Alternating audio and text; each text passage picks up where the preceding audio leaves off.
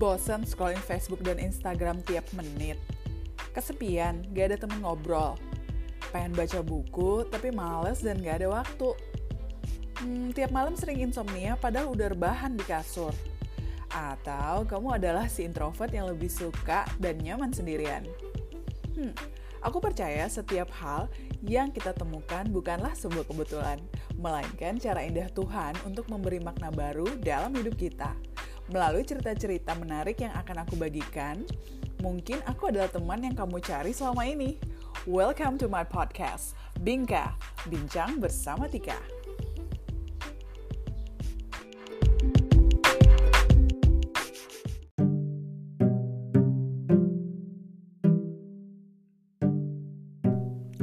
Well, hello, hello, hello semuanya. Halo semuanya Binkers, Binkers Lovers yang udah setia nungguin podcast aku selanjutnya. Makasih banget udah tune in for another podcast episode of today. Well, hari ini aku akan bercerita. Ini menarik banget nih ceritanya karena masih related sama postingan atau podcast aku yang sebelumnya dan ini berdasarkan request yang masuk di IG-nya Mrs. Gifted Makeup.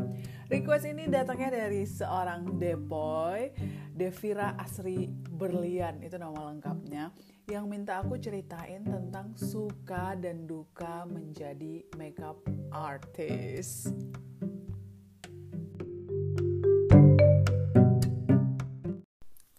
Seperti yang aku pernah share sebelum ini, kalau aku itu mulai freelance makeup itu dari tahun 2015 dan di 2017 pertengahan aku akhirnya memfokuskan secara independen untuk membangun makeup artis yang aku tekuni. Oke, okay. ya udah pastinya banyak banget suka dukanya, pengalaman-pengalaman berharganya luar biasa juga. Walaupun aku yakin masih banyak MUA-MUA lain yang juga memiliki profesi kayak aku lebih dahsyat lagi pengalaman-pengalamannya mereka. But today I'm gonna share with you the story about my life with makeup. Oke, okay, aku bakal mulai dari dukanya dulu. Hmm, duka yang pertama kalau jadi makeup artist itu kita harus siap sedia untuk kerja jam berapa aja. Ini ini yang paling signifikan sih perubahan dalam hidup aku karena kalau di corporate dulu kita teratur ya bangunnya jam berapa tidur juga jam berapa dan kita udah forecast aja gitu besok kita mau ngapain udah jelas tapi kalau di dunia makeup artist dan mungkin bisnis bisnis yang lainnya ya uh, jam kerjanya itu nggak nentu kayak di makeup aku itu sering banget yang namanya mulai start kerja itu jam 4 subuh, jam 3 subuh. Bahkan aku pernah um, mulai make upin klien itu jam setengah tiga. Jadi bayangin aku setengah tiga udah di rumahnya klien. Dan aku dari rumah aku itu siap-siapnya mulai dari jam satu malam tuh aku udah mandi. Dan biasanya aku kalau make upin klien mau jam berapapun, aku tuh mandi dan aku juga make upan gitu. Udah kebiasaan aja kayak jarang banget yang namanya aku nyampe di rumah klien aku masih style style baru bangun tidur tuh enggak gitu. Jadi preparation aku biasanya udah dari dua jam sebelumnya. Dan seringnya juga pulangnya itu malam malam karena kita kan nggak tahu klien kita mau kita jam berapa selesai jam berapa. Especially kalau di wedding kita kan harus standby sampai last costume sampai baju terakhirnya selesai kita prepare baru kita bisa pulang biasanya aku uh, pulang tuh habis-habis isya ya jam-jam 7 malam. So, kita mulainya udah dari jam 4 pagi karena dia akad biasanya jam 9 selesai jam 8 malam. Itu gila. Itu exhaustingnya luar biasa sih. Jadi memang bener-bener harus stamina-nya fit dan harus benar-benar menjaga mood banget karena kalau enggak waduh ambiar nanti alisnya miring sebelah nih Yang kedua, dukanya di makeup itu menurut aku handling the clients. Karena klien itu kan berbagai jenis uh, tipe dan juga backgroundnya. You know, gak semua orang itu seperti yang aku expect mereka untuk menjadi klien yang aku inginkan. Ya, hitung-hitung mungkin dalam hati mikirnya, aku kalau jadi klien orang juga nggak gini-gini amat sih tapi ya gitu kita nggak bisa marah satu karena kita juga di sini bukan membawa nama pribadi especially aku karena aku nggak pakai nama pribadi di makeupku aku punya brand jadi aku bener-bener ketika udah kesel banget udah marah banget tuh oke sabar tahan tahan. Karena ini tuh bukan Tika gitu tapi ini Mrs. Gifted. Jadi kita harus tetap selalu sabar menghadapi emosi-emosi yang di dipancing. Selain itu klien tuh kadang-kadang ya mereka tuh menurut aku kurang sopan aku nggak ngerti sih mungkin emang caranya mereka berkomunikasi aja yang lain nggak seperti orang biasanya.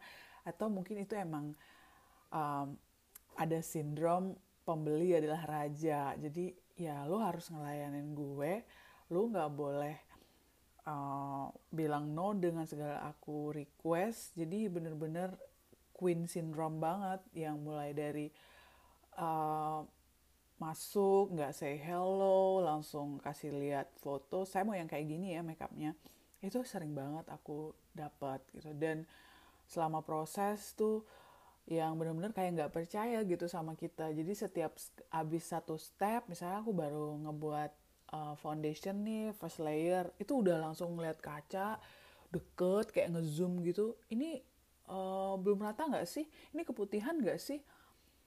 Itu kayak banyak banget yang membuat sebenarnya pekerjaan-pekerjaan makeup artis jadi lebih lamban karena kita itu di stop sebelum waktunya kita selesai gitu. Kadang aku selalu bilang kayak sabar dulu, nanti kalau udah selesai baru silahkan kalau ada yang mau dikoreksi, ada yang ketebalan, ketipisan nanti dikasih tahu aja gitu. Karena karena masing-masing makeup artist itu kan punya cara yang beda-beda ya untuk meracik atau membuat proses um, make upnya mereka gitu nggak bisa disamain. Bahkan kita juga nggak bisa menyamakan cara anda makeup dengan cara makeup artist makeupin anda gitu. Jadi di sini tuh kadang-kadang klien suka nggak sabar gitu. Suka nggak sabar dan suka nggak percaya dengan yang lagi kita lakuin.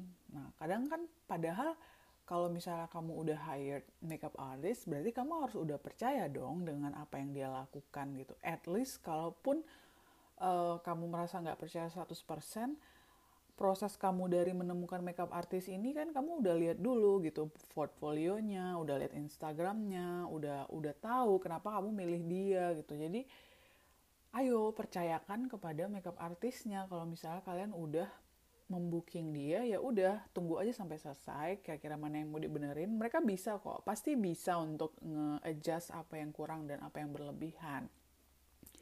Itu Queen Syndrome yang kadang-kadang aku nggak tahan banget. Karena jujur aku juga bukan orang yang sabar-sabar banget sih kalau ngikutin diri sendiri. Waduh udah aku tinggalin aja tuh di situ. Tapi kan nggak mungkin. Sekali lagi nggak mungkin. Terus yang ketiga itu uh, dukanya menurut aku hmm, proses ketika mau booking appointment. Atau proses ketika dia lagi mencari makeup artist.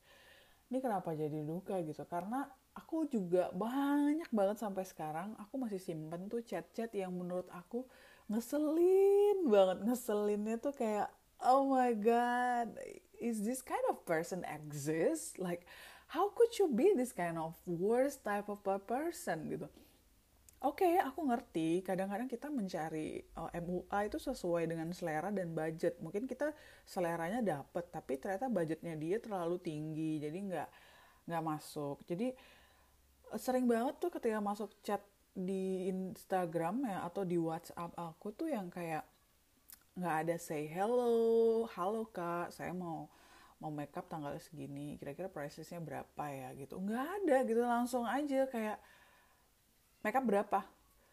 Uh, nanti kita udah kasih prices kan. Tentunya aku reply dengan lebih profesional. Kayak halo thank you for texting. Ini price list kita.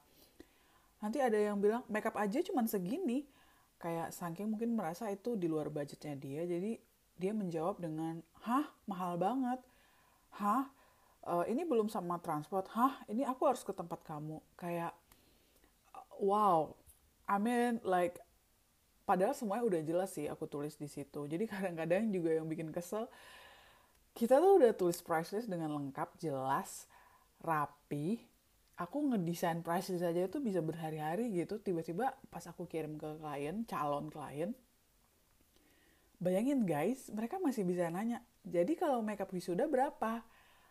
Oh my god aku tuh sampai kayak speechless banget. Udah nggak tahu lagi ini kayak gimana lagi cara nulisnya gitu. Tapi akhirnya aku tanya temen-temen yang sahabat-sahabat aku tentunya well mungkin kamu harus buat dual language jadi bahasa Indonesia dan bahasa Inggris. Mungkin mereka nggak ngerti bahasa Inggris. Karena memang sih di price list aku tuh mostly dalam bahasa Inggris.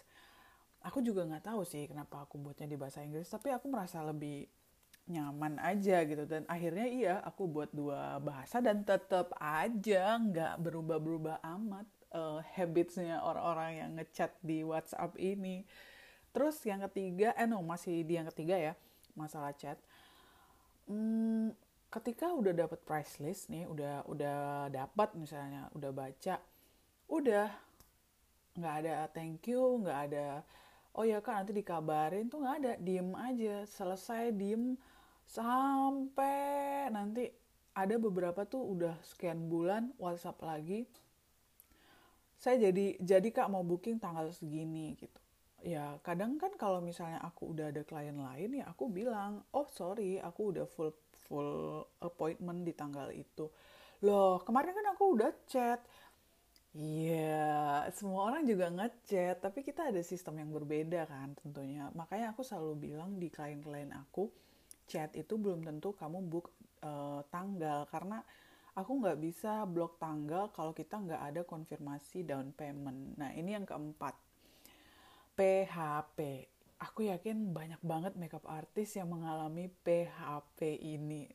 Walaupun sekarang uh, aku udah cukup sedikit sih yang mem-PHP aku karena sistem yang aku buat udah lebih tertata. Jadi kalau dulu itu waktu aku awal-awal jadi MUA, aku itu bener-bener based on trust. Seriously based on trust. Aku tuh nggak kenal sama dia. Dia chat aku kan nanti tanggal segini uh, aku mau make up ya. Oke okay, aku tuh selalu okein guys. Aku okein. Nanti kalau ada orang yang nanya di, untuk di tanggal yang sama aku nolak. Sorry aku udah ada yang booking. Padahal aku nggak tahu nih orang jadi atau enggak gitu. Maksudnya bisa aja kan dia cancel sebelumnya tapi semuanya based on trust. Kenapa dulu aku kayak gitu? Karena aku tahu banget zaman dulu tuh zaman aku awal-awal membangun MUA untuk dapat klien tuh susah banget susah banget tuh luar biasa banget perjuangannya. Jadi ketika ada yang ngechat dalam satu minggu tuh sehat satu atau dua orang itu tuh surga banget kayak ya Allah makasih gitu. Dan aku tuh udah ngebayangin bakal prepare oh aku bakal buat makeup kayak gini. Itu so excitedly amazing you know. Jadi aku bener-bener based on trust bener-bener oh, harapan aku ya udah gitu. Aku yakin dia pasti nggak akan cancel gitu. Karena aku juga gak ngerti sih kenapa dulu aku sampai sebaik itu. Kadang-kadang teman-teman aku juga suka kesal kayak kenapa? gitu. Dan sampai di titik aku fed up aku totally pissed off dengan orang-orang yang seperti ini kelakuannya. Jadi aku tuh sampai pernah di cancel satu hari sebelum uh, appointment gitu. Jadi malamnya aku tanya alamat kan dan dia nggak reply, nggak nggak reply sama sekali. Besoknya aku telepon nggak dibales, eh sorry nggak diangkat. Aku reply lagi, aku bilang it's okay kalau memang kamu mau cancel tapi tolong kasih tahu baru dong dia bilang sorry ya kak nggak jadi udah kayak gitu aja bayangin itu kesel banget tuh luar biasa. Dan itu nggak satu dua. Aku yakin banget aku kalau hitung-hitung mungkin sekarang udah ada puluhan even mungkin udah mencapai 100 orang kali ya yang seperti itu. Hmm, aku by the way sambil ngopi ini. Jadi namanya PHP itu udah sering banget gitu. Bahkan ya aku sampai hari ini masih inget tuh dia. Ada satu orang dia um, DM aku di Instagram. Waktu itu dia seminggu sebelum hari H dia mau tunangan guys. Chat aku. Bilang kak bisa nggak nanti tolong make upin aku nih? Soalnya aku mau tunangan bla bla bla bla. Aku tahu kakak dari si ini. Oh iya sip. Rumah aku juga sama kok sama kakak di Batu Aji. Kita tetanggaan kok katanya gitu. Oh ya udah sip. Uh, nanti aku datang ke rumah kalau gitu. Aku sampai bilang karena kamu rumahnya deket sama aku ya udah nggak aku nggak charge transport charge gitu. It's okay kita kan rumahnya deketan. Udah aku nggak kasih transport charge nih. Next thing dia tanya ada diskon nggak kak? Tuh guys dia masih nanya kan. Dan aku masih kayak oh ya udahlah gini tetangga ini baik ini juga ngapain juga uh, harus segitu gitunya kan. Akhirnya aku kasih diskon. Ya udah segini aku kasih diskon segini aja deh gitu hitung-hitung aku sekalian pulang juga dari studio. Oke okay, deal. Aku dia minta nomor HP aku aku juga minta nomor WhatsAppnya dia. Nah dua hari sebelum hari H dia tunangan aku chat. Waktu itu aku chat aku bilang ah, dear aku minta alamat rumahnya dong eh, yang pakai Sherlock gitu biar lebih mudah nanti nyarinya. Itu di doang padahal dia online guys. Dia online. Itu aku lihat dia lagi online dan dia cuma read doang. Oh ya udah mungkin dia lagi sibuk. Itu di feeling aku. Mungkin dia lagi sibuk mikirin pertunangannya. Banyak lagi di arrange nantilah tuh. Nunggu nunggu nunggu sampai malam. Gak ada di reply.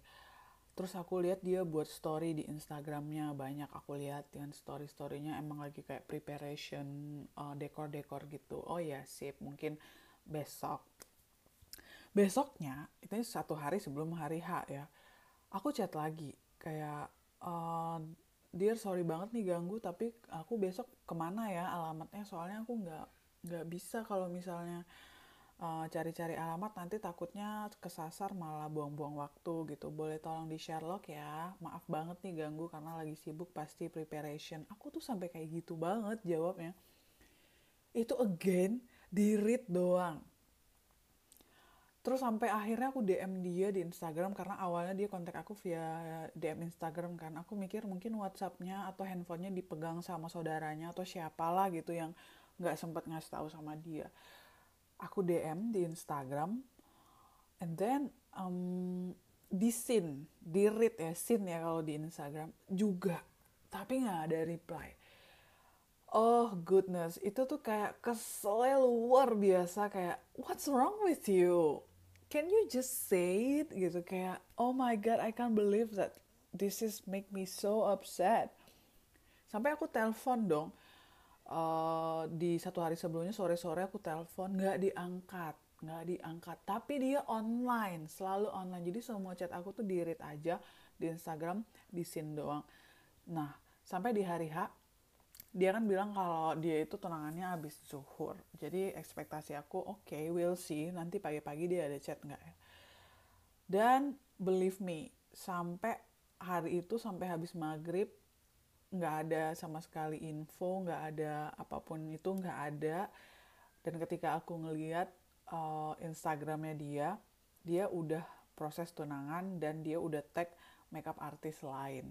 Kayak well aku nggak pernah mempermasalahkan yang namanya kalau kalian punya pilihan makeup artist sendiri. Aku bener-bener nggak permasalahin itu. Tapi please, you guys need a manner. Ini ini nih uh, aku mau pesanin juga sih buat teman-teman yang lagi dengerin sekarang. Please, please kalau kalian itu uh, memakai jasa siapa pun atau apa pun yang nggak hanya make up gitu dan kalau kalian nggak jadi atau cancel, kalian tuh bilang ngomong sama orangnya. Kenapa? Karena orang-orang yang udah kalian kasih harapan ini berharap banget gitu. Jadi jangan sampai cuman gara-gara berharap dari kalian mereka udah menolak yang lain, yang lain dan yang lain. At the end of the day kalian PHP-in. Itu sakitnya luar biasa. Kalian juga nggak pengen kan di kayak gituin. Aku yakin nggak ada yang pengen di PHP. So, guys belajar untuk bisa menghargai waktu orang, belajar untuk bisa menghargai effort orang, usaha orang, dan juga belajarlah untuk punya uh, manner yang lebih baik. Karena jujur sampai hari ini aku masih inget banget namanya dia, Instagramnya dia, dan aku berharap banget one day aku ketemu sama dia dan mempertanyakan sikapnya itu. Because you see, kelakuan jelek itu bakal selalu keinget sampai kapan pun. So try to be uh, better at this manner karena attitude itu penting sih menurut aku. Oh panjang ya kalau cerita PHP. selain PHP mungkin dukanya itu adalah ketika kamu di compare itu aku juga sering sekali ya namanya dapat comparison itu sering walaupun aku itu nggak aku anggap duka yang 100% ya lebih ke 50% lah kadang siapa sih yang suka dibanding-bandingin? Nggak ada. Nggak ada orang yang seneng dibanding-bandingkan. Dan aku sering banget juga dibanding-bandingin secara you know like talking. Eh iya loh si itu bagus dia gini gini. Ah bagusan si A ah bagusan si B gitu. Dan aku selalu merasa kayak uh, biasanya sih aku selalu jawabnya gini. Ya jadi kita tuh namanya makeup artist itu beda-beda aku bilang sama kayak orang buat kue setiap orang dikasih bahan kue yang sama hasilnya belum tentu sama kuenya rasanya juga belum tentu sama sama kayak makeup artist ada yang dikasih barang branded mahal ada yang dikasih cuman produk drugstore bahkan produk lokal tapi hasilnya luar biasa. Jadi bener-bener ini skill tangan masing-masing. Jadi comparison tuh menurut aku kurang wise ya, kurang bijaksana karena masing-masing orang punya kelebihan dan kekurangannya sendiri. Selanjutnya selain comparison, dukanya juga eh, apa ya? Sebenarnya banyak sih, tiba-tiba aku lupa sih nih. uh, mostly sih about client sih dukanya itu ya selain itu tiba-tiba lo nggak ada order bookingan appointment. Aku pernah tuh yang namanya dalam satu bulan sama sekali nggak ada yang booking appointment di aku gitu. Dan itu tuh kayak oh my god itu ada tiba-tiba langsung rasa galau rasa pertanyaan-pertanyaan kayak kenapa ya? Aku udah nggak cocok kali ya di makeup artist gitu. Tapi that's that's okay. Itu proses dari dari naik kelas ya aku bilangnya kayak ya kita nggak selalu selalu diberi rezeki berlimpah gitu. Terkadang ya kita hanya diberi rezeki yang cukup tapi doesn't matter kita kurang sebenarnya hanya perlu bersyukur aja. Selain itu dukanya juga hmm, ketika klien itu banyak banget maunya tapi pengennya diskon. Jadi kayak e, berapa kak? Misalnya make up satu orang oh segini gitu. Kalau misalnya kami bertiga dapat diskon berapa? Nah pertanyaannya langsung gitu nih serius. Kayak oh my god. Nih ya aku aku kasih sedikit gambaran. Banyak banget orang yang seperti ini gitu kita tuh ketika ngasih harga di price list itu pertimbangannya udah banyak sekali, especially di aku. Nggak cuman oh ya udah suka-suka aku aja lah mau ngasih berapa, nggak seperti itu. Jadi kita kita lihat lagi mulai dari uh, acaranya nih apa gitu. Acaranya hanya butuh makeup yang tidak tidak perlu tahan lama atau acaranya perlu dia stay on dari pagi sampai malam. Terus kira-kira makeupnya itu nanti buat apa gitu. Kalau misalnya untuk cuman pergi ke kondangan oke okay, fine gitu. Tapi kalau ini makeupnya kamu untuk wisuda untuk untuk tunangan itu kan menurut aku momen-momen yang hanya terjadi sekali dalam hidup. Jadi menurut aku nggak fair kalau kalau kamu mau uh, mengurang-urangkan dari segi harga. Karena fotonya juga sekali bagusnya juga insya Allah sekali gitu. Jadi ada beberapa momen yang menurut aku come on be nice to yourself gitu. This is only once in a lifetime. Dan ketika kalian langsung menembak MUA-nya eh nggak ada diskon. Kita berlima loh. Kita tuh tahunya dari si A gitu. Come on dia aja untuk bisa make upin lima orang itu e-, effortnya tuh udah bakal luar biasa loh gitu. Dan dan ini bukan soal banyak sedikitnya bahan yang dikeluarkan sehingga harganya lebih murah, nggak seperti itu gitu, nggak kayak beli beli apa ya, beli di pasar second gitu yang bang kalau 5 jadi 30 ribu ya kan aku beli banyak nih. Nah nggak bisa gitu karena ini make up tuh aku nggak mungkin dong, oh kamu mau diskon, oke okay, sip, aku make upin sebelah aja ya mukanya. Atau oh kamu mau diskon? Ya udah foundationnya setengah tetes aja ya atau ini eyeshadownya 5 gram aja ya. Biasanya aku pakainya 20 gram sih kalau eyeshadow. Nggak bisa kan dibilang seperti itu. Jadi um, discounting tuh kita kita bakal kasih diskon kok. First of all kalau kamu cara mintanya juga lebih nice. Yakin deh pasti dikasih sama MUA-nya tapi kalau caranya aja udah bikin kita kesel moody wah selesai udah. Gimana mau mau ngasih diskon? Orang kamu aja udah bikin MUA-nya kesel gitu loh gitu. Itu tuh yang yang uh, mesti kalian ingat ya. Dan satu lagi dukanya uh, attitude klien yang bikin kita tuh jadi nggak mood. Dan believe me ini ini fatal banget nih. Kalau kalau MUA udah nggak mood wah kelar selesai udah. Jangan ekspektasi tinggi.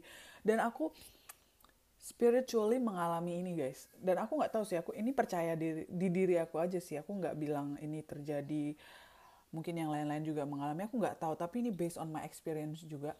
Ini yang aku percaya gitu. Aku tuh sering banget ketemu klien yang uh, annoying ya. Yang bener-bener kayak kalau bahasa kita tuh sok cantik yang sombong yang pokoknya tuh merasa dia paling tahu, merasa dia yang paling bisa. Itu ya kalau udah ketemu tuh, wah energinya tuh udah jelek tuh kalau aku. Karena aku somehow I really can feel those energies. Aku nggak tahu itu jatuhnya ke mistis atau apa. I don't I don't know and I don't care. Itu tuh udah pasti hasilnya di luar ekspektasi yang aku harapkan. Nggak ngerti aja, padahal stepnya udah sama, terus nggak ada yang aku bedain gitu misalnya dia berdua nanti temennya itu lebih uh, attitude-nya lebih nice lebih friendly lebih warm hangat lebih seneng aja gitu. Itu bisa beda banget hasilnya. Kadang aku tuh sampai mikir wow what's happen gitu padahal aku juga nggak ada yang namanya oh mampus deh lo gara-gara kamu gara-gara kamu songong aku bakal nggak pernah sama sekali karena aku selalu ingat on top of everything on top of segala-galanya Mrs. Gifted makeup bukan Tika Tika tuh nomor 10 nomor satu itu udah pasti Mrs. Gifted jadi sekesel apa pun semarah apa pun aku tuh selalu bilang ke diri sendiri Tika you are Mrs. Gifted right now. Give the best. Karena apa? Karena kalau aku nggak kasih yang terbaik ya kita nggak tahu ke depannya apa yang uh, review dari klien bisa bilang ke yang lain ke yang lain ke yang lain. Karena aku tahu banget ketika aku dikenal itu yang bikin bisa kenal itu dari mulut ke mulut itu iklannya dari mulut ke mulut gitu. Jadi ketika nanti aku buat yang jelek juga kejelekannya itu juga akan menyebar dari mulut ke mulut. Makanya aku selalu professionally consistent. Sekesel apa pun aku selalu tahan. Tapi selalunya tuh gitu. Hasilnya beda dan pasti benar-benar kelihatan banget ketika lo itu baik, nice, warm, aku yakin makeup artist lain juga akan setuju sih dengan hal ini. Buat hasilnya itu juga jadi bagus di klien. Tapi ketika klien kita sedikit annoying, entah gitu ada aja yang nggak pas. Padahal udah hati-hati banget karena sebenarnya kalau yang annoying seperti ini, MUA tuh lebih hati-hati ngerjainnya karena ya kita nggak salah aja dia udah bisa komen kan apalagi kalau sampai miring atau sampai wah jadi selalunya malah lebih hati-hati tapi biasanya hasilnya tuh lebih nggak maksimal dibanding yang uh, attitude-nya lebih baik gitu aku selalu menemukan loh itu dan sampai-sampai aku berpikir apa ya yang salah dari dari fenomena ini? Apakah memang aura itu memancar dari dalam? Berarti berarti itu benar ya guys. I'm sure it's true kalau aura baik itu akan memancarkan kebaikan dan keindahan juga dan membuat segalanya lebih mempesona eh so kurang lebih itu dukanya di aku ketika jadi makeup artist sebenarnya banyak nih ada ada ada banyak banget cuman aku nggak bisa uh, pikirin lebih jauh lagi karena aku juga nggak mau bikin episode ini terlalu panjang. So uh, untuk sukanya menjadi makeup artist akan aku bahas di next podcast. Thank you guys for listening to me.